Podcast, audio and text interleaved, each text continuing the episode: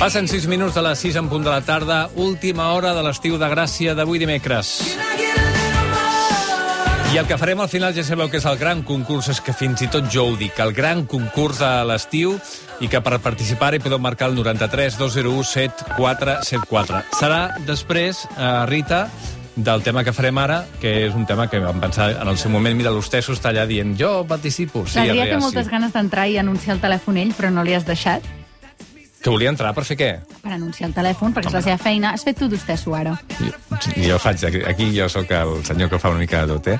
Però ara parlem d'una altra qüestió que ens volia, que ens interessava molt i que la teníem pendent també de parlar de- d'aquest estiu. Parlem de l'obesofòbia. Para que el rap como el punk nunca haga dieta, na, na, na, na.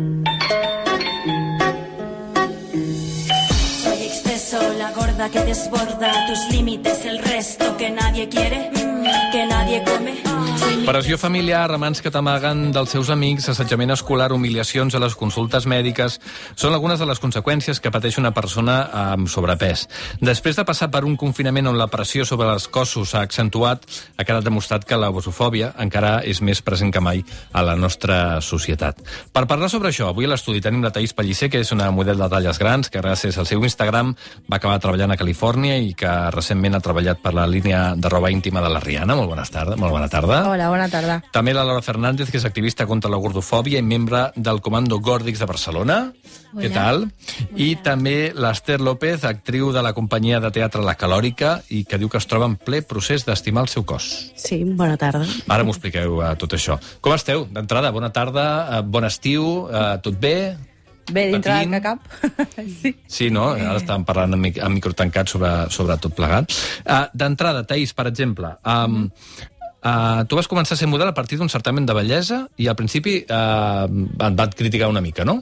Sí, bueno, eh, quan vaig començar, vaig començar per casualitat, o sigui, bueno, no per casualitat, jo no buscava ser model ni ser influencer, em vaig presentar en un certamen de bellesa i em va anar superbé, vaig quedar segona dama d'honor, i bueno, arrel d'aquí he anat fent coses, però la veritat que el camí ha sigut una mica complicat perquè, bueno, a les agències de models de- d'Espanya, de, si tens una 42-44 ja et diuen que no pots ser model curvi perquè no, és, no tens el cànon de bellesa que es necessita per ser model curvi. Ah, fins i tot, quan ets model curvi, has de tenir Sí. un model determinat de bellesa. Sí, sí, et demanen mínim un 75 d'alçada mm. i et diuen que una 40-42 com a molt de talla. Però això no és gaire curvi, no? No, no és gaire curvi, però és que les, les marques d'avui dia són molt hipòcrites perquè volen vendre una línia curvi, però després en un catàleg de moda mai veus una noia amb panxa, papada o el que és normal en una dona que tingui eh, sobrepès, perquè jo sóc curvi i tinc papada, tinc una miqueta de panxa i tal, però en un catàleg volen que la noia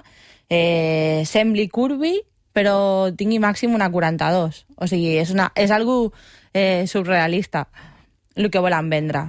Llavors, són molt hipòcrites, la veritat. A totes les marques que m'estiguin escoltant, sou uns hipòcrites. Així Però de tu vas clar. treballar treballar de model amb això, no?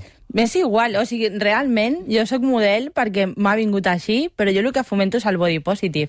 O sigui, jo no, jo no mm, pretenc viure de la moda. Jo vull canviar la moda perquè no m'agrada com estan portant. Eh, jo vull veure una noia d'una 50 en un catàleg. Una de la 40 està bé, però també vull veure una de la 50. Vull veure varietat, no vull veure sempre el mateix cànon en els catàlegs de, de moda Mm -hmm. no diré marques, però, però hi ha moltes que posa talles grandes, no sé què. Eh, Primer, que talles grandes és una etiqueta, perquè hi ha talles grandes i talles pequeñas. I segon, que talles grandes no és una noia d'una 40, una 42, que és la que em surt en el catàleg.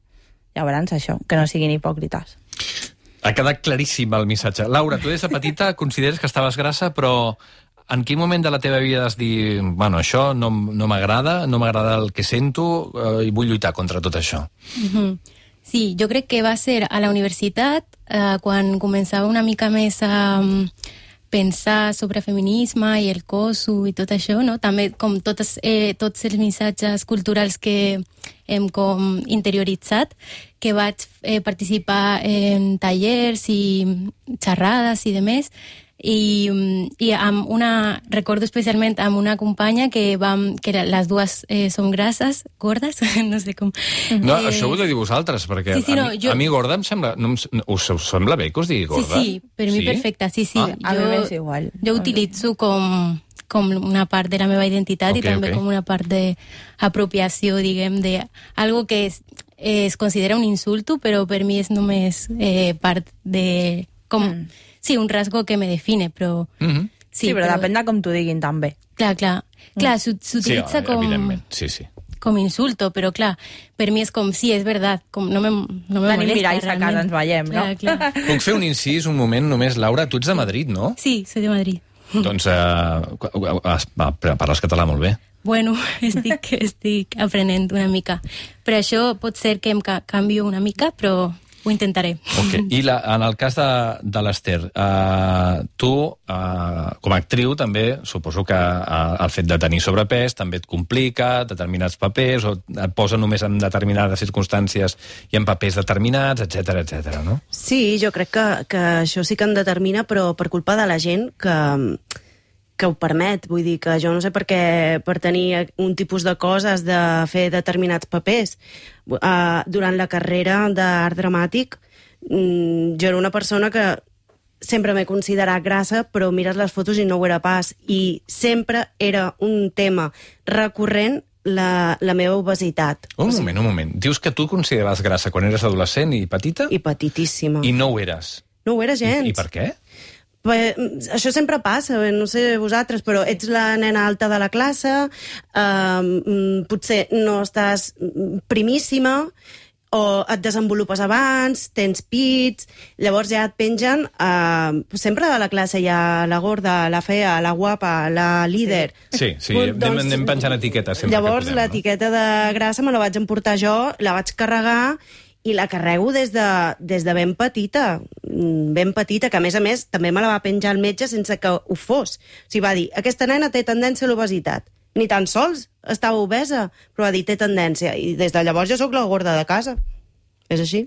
no? Això a les cases passa sempre, eh? Jo sóc el desendreçat i tinc molts anys i fa, i ja fa temps que no desendreço casa meva, saps? Exacte, però ja t'ha quedat per sempre. Queda per sempre. I pel que fa als papers és això, no? Uh, quan una persona té sobrepès o, o directament obesitat, fa papers d'això. Sí, però, però mm, jo ho dic, fas papers d'això, però després surts de- d'aquests mm, d'aquest mainstream laboral, d'aquesta cosa més... Mm, o sigui, en la meva companyia, per exemple, tots estem més o menys grassos i llavors no hi ha possibilitat de que hi hagi el guapo, mm, la guapa, vull dir, tots tenim cossos no normatius i interpret interpretem tots tipus de papers. Vull dir, Però, si perdona, vols, us heu pots... hagut d'apuntar la vostra prèvia companyia per fer això, aleshores, no? Bé, sí. Ens hem muntat la nostra companyia, que a més a més mm, posem focus en, en cossos no normatius, però evidentment, si algú tingués la valentia d'agafar actrius que, que no tenen aquells cossos normatius per fer altres papers, doncs estaríem trencant-ho tot. Però és que no és només el teatre, és la vida en general que no, que no ho permet. En quines situacions de la vida, pregunta a les tres, eh, us, us heu sentit, i, i perdoneu, com que me dona permís, ho diré així, en quins moments de la vida us heu sentit gordes? De, en la mirada dels altres, eh? En quines circumstàncies, quins contextos són en aquells on especialment un se sent així, una se sent així? Doncs mira, mm, quan entres a una botiga de roba, que, que, la, o sigui, que les talles d'aquesta botiga de roba no tenen per què ser la teva, per així dir-ho. Mira, amb 15 anys vaig entrar a una botiga mm, d'un senyor molt ric i molt famós, que té diverses botigues d'aquestes, que no diré el nom, però Ah, tothom sí, ja sap. Però estàs a punt de dir-lo? Clar, clar, clar. Vaig entrar a mirar. O sigui, jo tenia 15 anys, pesava 15 quilos menys que ara. Em sentia molt més gorda que ara, perquè està tot en el cap, això és així. I em ve una pendenta i em diu, eh, mira, aquí no tenemos tallas para ti, però sense jo preguntar-li res, amb 15 anys. Clar, a mi em va destrossar, perquè jo tenia 15 anys, no tenia la seguretat que tinc ara, no era tan forta mentalment com ho soc ara, doncs me'n vaig anar a casa plorant, vaig estar una setmana que volia vomitava, no menjava, eh, feia borrades, em sentia com una merda perquè em sentia gorda, jo pensava, uau, m'han fotut fora d'una botiga, m'han dit que estic gorda, no sé què, o sigui, em van fer un mal, això, em he sentit com una merda, Mhm. per culpa d'una noia que em va venir i em va dir, aquí no hi talles per a ti. Jo, per sort, eh, vaig estar una setmana així, però ja està. Però això li farà una altra noia i pot desembocar a un problema alimentici, a una enfermetat, eh, pf, es pot acabar suïcidant perquè hi ha gent que ha acabat suïcidant-se per culpa del bullying Llavors, eh, això és una de les moltes vegades que m'he sentit gorda a la vida, perquè Ja. hi ha Sí. infinitat de vegades que m'ha passat això. Laura? Clar, jo ara mateix puc dir que em sento gorda, però ho dic amb altra calma. Sí. Però això que dius, com aquesta mirada de gorda com un, com un insult, jo crec que ha, ha sigut més, per exemple, en espais com la eh, piscina o la Sí. platja, no? com aquests espais públics on, On el el cos. teu cos sí, té molta presència, i ahí sí que em recordo com, no? Intentant tapar-me con la toalla, com dissimulant el teu cos perquè sembla que, que no és correcte, que no està bé, que sí que tens que amagar-te, no? De, Sí, sí, que la gent s'escandalitza. Mm. Jo és que em sento gorda 24 hores al dia, 7 dies a la setmana, 365 dies a l'any. Vull dir, una vegada, o sigui, a vegades aconsegueixo sentir-me gorda en el sentit positiu de la paraula, deslliurant-lo de- d'aquesta cosa negativa que té la paraula gorda, i llavors sóc gorda però estic bé, i hi ha vegades que em sento gorda i em sento escarosa, lletja, bruta... Vull dir, gorda és, és, que, és que ho sóc sempre. I, i m'agradaria ser gorda sempre, però... Um, Però sentint-te bé sempre. sí, sí, sí, sí, No? sí. Això és tot mental. Mm, ja. En aquest procés de des, deslliurar-nos no, de la connotació negativa de, de, ser, de ser gras, la, la Laura ella fa activisme contra la, la, la obesofòbia i et dius que et consideres gordofeminista. Llavors, això, com, com tu creus que es relaciona el feminisme amb aquest procés de- d'estimar el teu cos i d'enfrontar-te a una societat que és obesofòbica? Sí, bueno, en primer lloc, nosaltres preferim la paraula gordofòbia perquè no, no ens agrada gens la paraula obesitat, com que sí que pensem que té un estigma, una patologització ja as assumida, que no estem molt d'acord, com que eh, pensem que hi ha moltes possibilitats de cossos, que eh, una eh, pot ser sana amb qualsevol cos, i per això preferim gorda, en el nostre cas.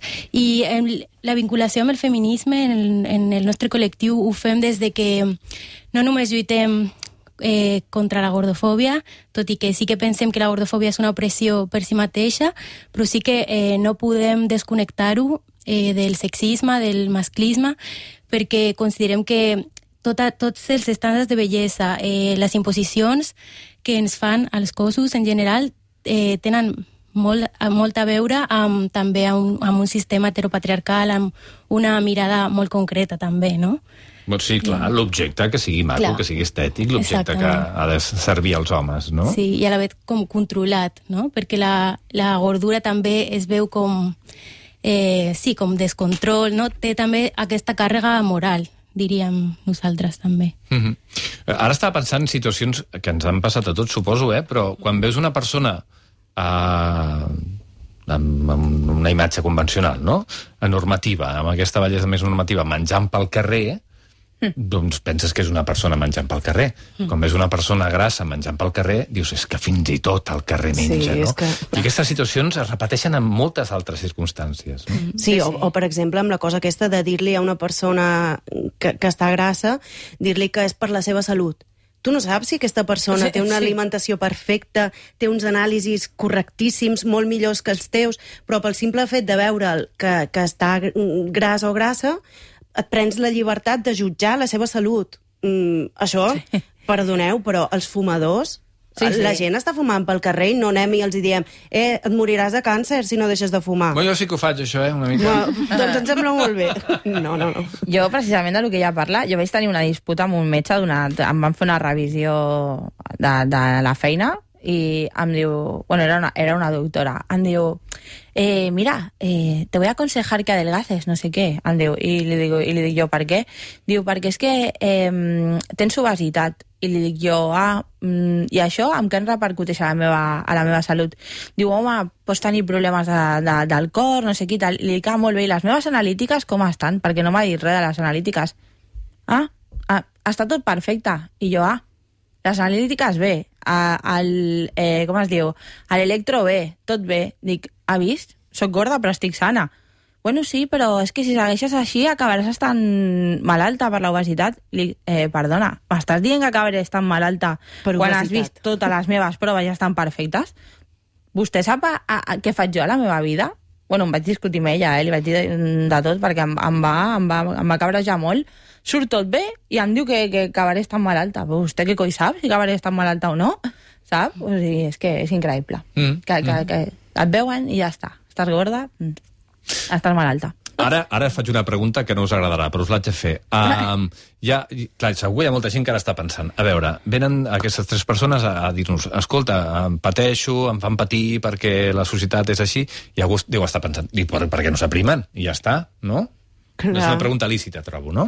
S'aprimin i ja és que s'acaba el problema, i, i el problema serà Ja. d'altres persones grasses. A- No? Aquest és el problema, pensar que, que pots arribar a primar-te així com així, i aquesta és la cosa que ens foten al cap des de petita. Jo, mm, no sé a quina edat vaig començar a anar a endocrins i, i coses per, per aprimar-me, aprimar-me, aprimar-me, i menys enciam, i menys no sé què. He fet unes dietes que he maltractat el meu cos a tals nivells um, feia una dieta que només podia menjar ou fregit, salxitxes, bacon, i em vaig aprimar 5 quilos, però després el ronyó fatal, el fetge... Una cetogènica feies. Jo què sé el que feia, era una cosa escarosa. I, i, a, I al final és que fas un efecte yo-yo i és que és el meu cos, és que no puc canviar-ho. És la meva genètica, és, és... Mira, la meva germana està primíssima i menja set vegades més que jo. Pues, sí. pues ella és així, de la mateixa manera que jo sóc així, no puc aprimar-me. Puc perdre 5 quilos i els torno a agafar. Mm, porto una vida sana, bé, ja està, no puc fer més. Mm -hmm.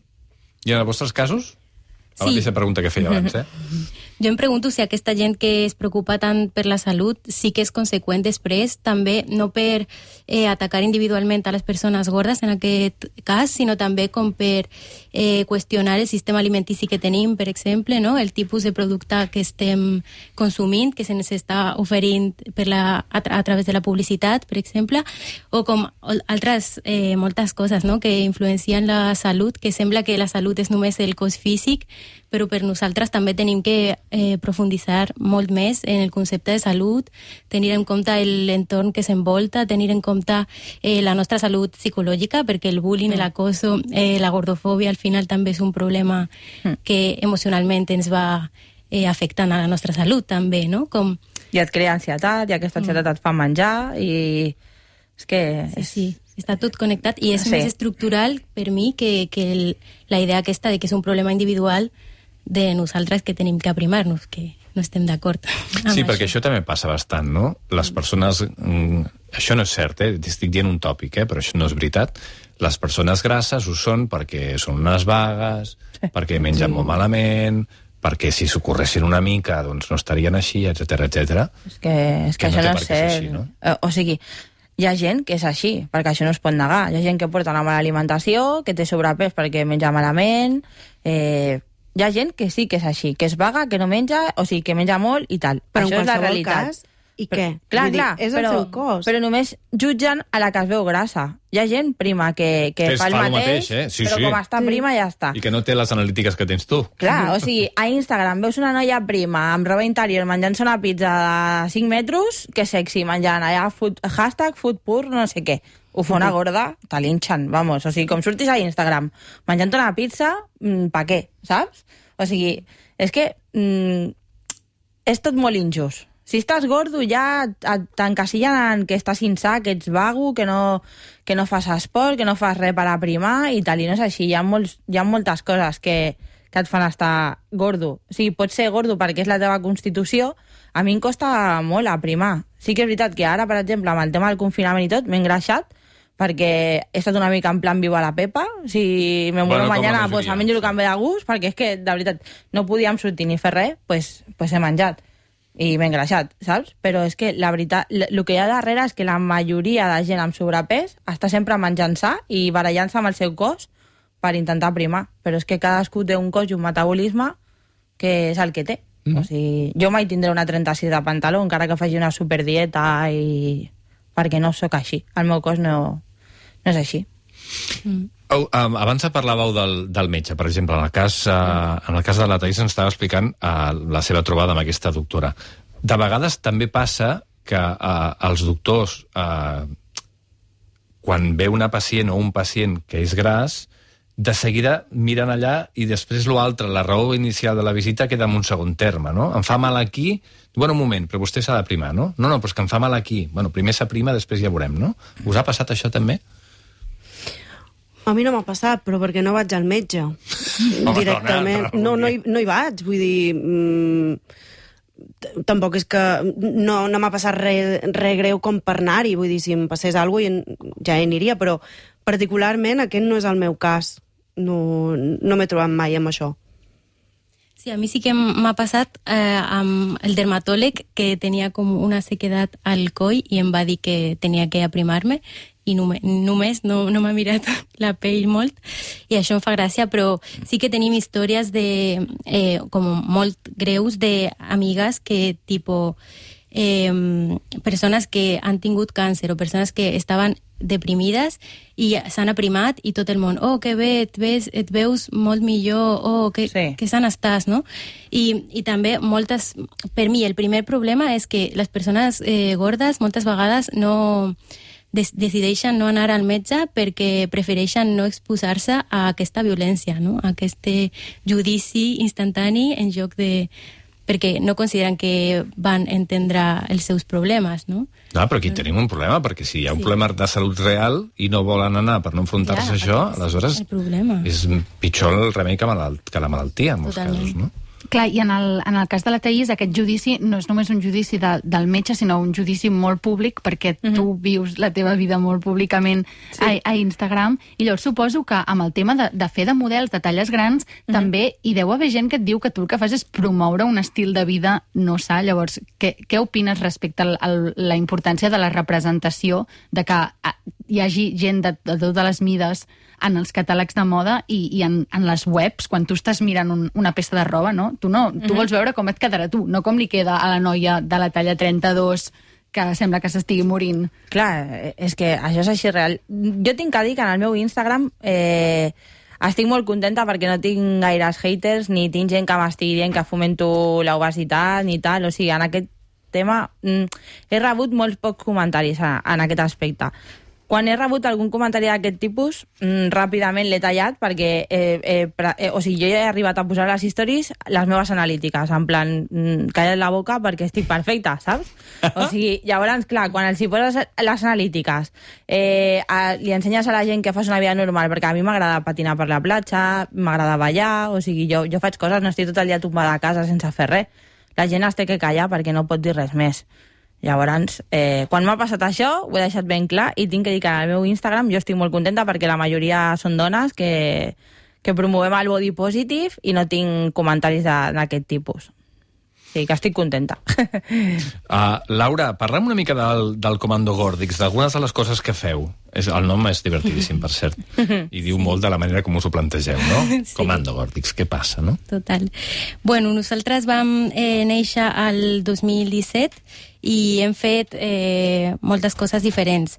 Vam fer un cabaret gordo amb companyes que ara mateix no estan al, al comando, bueno, mm -hmm. hem anat també canviant, però vam fer un, un cabaret que és així com teatre, però també amb aquest eh, bueno, dansa, no? una mica una mescla de tot i parlant de totes les diferents esferes on la gordofòbia eh, té lloc. També hem fet un, un fanzine, com un llibret així que està també disponible online, si algú vol eh, checar-lo. Eh, es diu El Puchero, Uh -huh. i ahir també com eh, parlem una mica de les nostres experiències, és també eh, hi ha poemes, hi ha com diferents eh, formats i també hem fet vídeos artístics, divulgatius de diferents temes de la, amb la gordofòbia en el centre, un videoclip musical també amb una companya que és rapera i va ser el tema que del, del principi. I també hem fet xerrades, trobades, hem participat en un en podcast també eh, de, la, de Ràdio Bronca amb el confinament, també ens van invitar. I una mica això, també ara tenim eh, xarxes socials, abans no teníem i, intenten, intentamos también meter un poco caña por allí. Molt bé. I en el cas de l'Ester, eh, tu vas eh, protagonitzar tres temporades d'una sèrie que es diu Mai neva a la ciutat. Sí. És que tan malament tampoc t'ha anat. No sé si has sigut prota, no?, d'una sí, sèrie a IB3. Sí, molt guai. Jo estic super orgullosa, super contenta i a més a més que amb el temps te n'adones de... Bueno, amb el temps, com si fes 60 anys.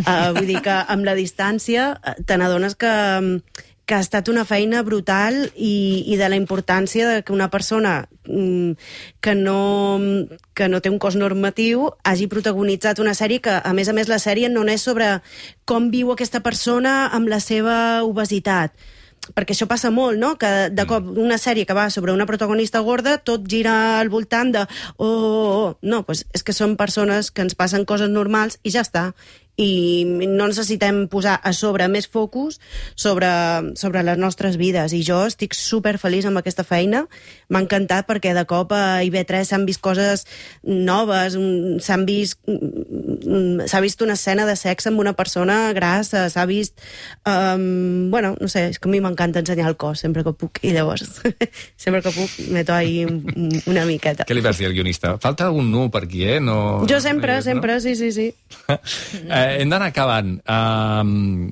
en general, eh? Per exemple, jo que jo promociono la- l'activitat física i la, la, una alimentació correcta en xarxa sempre que puc i tot plegat i en parlo molt, no? La meva actitud per vosaltres us resulta ofensiva? Eh, eh, Trobeu que és gordofòbica o és una altra cosa, la gordofòbia? És més explícita, més directa, més... Mm, No, jo crec que no, perquè cadascú pot fomentar el que vulgui sempre i quan eh, no estigui ofenent a ningú. I jo crec que el tu fomentar un nivell de vida sa no és eh, tenir gordofòbia. Simplement t'agrada tenir una vida sana, uh -huh. t'agrada cuidar el teu cos i jo no, o sigui, a mi no m'ho fem per res, perquè és que tu pots fomentar aquesta vida i jo també, encara que jo tingui sobrepès i tu no. O sigui que a mi no em sembla gens que jo vaig al gimnàs també, menjo bròcoli, saps? Encara que no ho sembli, perquè la gent em vegi així i pensa, aquesta està tot dia al McDonald's. No, jo menjo bròcoli també, saps? O sigui que no passa, no passa absolutament res. Mm -hmm. No, no, no, a mi em sembla Ah, és que em estupendo deixa molt tranquil perquè patia molt. no, no, no pateixis. He entrat a la, per fer el tema patint una mica dient "Des- me estan viendo el enemigo, però no, no sé si... Hem de deixar-ho aquí. Moltíssimes gràcies a la Taís Pellicer, model de talles grans. Uh, què passa, que m'estàs fent senyals? fent senyals. Ah, m'estan fent senyals. Què voleu? No veig. Ah, perfecte. Molt bé, perdona. A veure, moment, moment, moment, moment. Jo ho feia amb mute, saps? Ai, moltes gràcies, eh? Ah, mira, tenim una oient que es diu Teresa que ha trucat per dir-nos que uh, un oculista li va dir que estava molt grassa. T'imagino. Sí, sí. No deixa de ser... És fortíssim. No deixa de ser curiós. Gràcies per, pel, per la per avisar-me, Taís. De, de res. Taís moltes gràcies. Laura Fernández, activista de Comando Gordix, també moltíssimes gràcies. Tu. I Esther López, actiu de la companyia La Calòrica, també moltes gràcies per haver vingut al programa a les 3. A vosaltres. A vosaltres. Gràcies, fem una pausa i tenim, ho diré, eh, el gran concurs de l'estiu. 93 201 7474. Estiu de Gràcia, amb Adam Martín.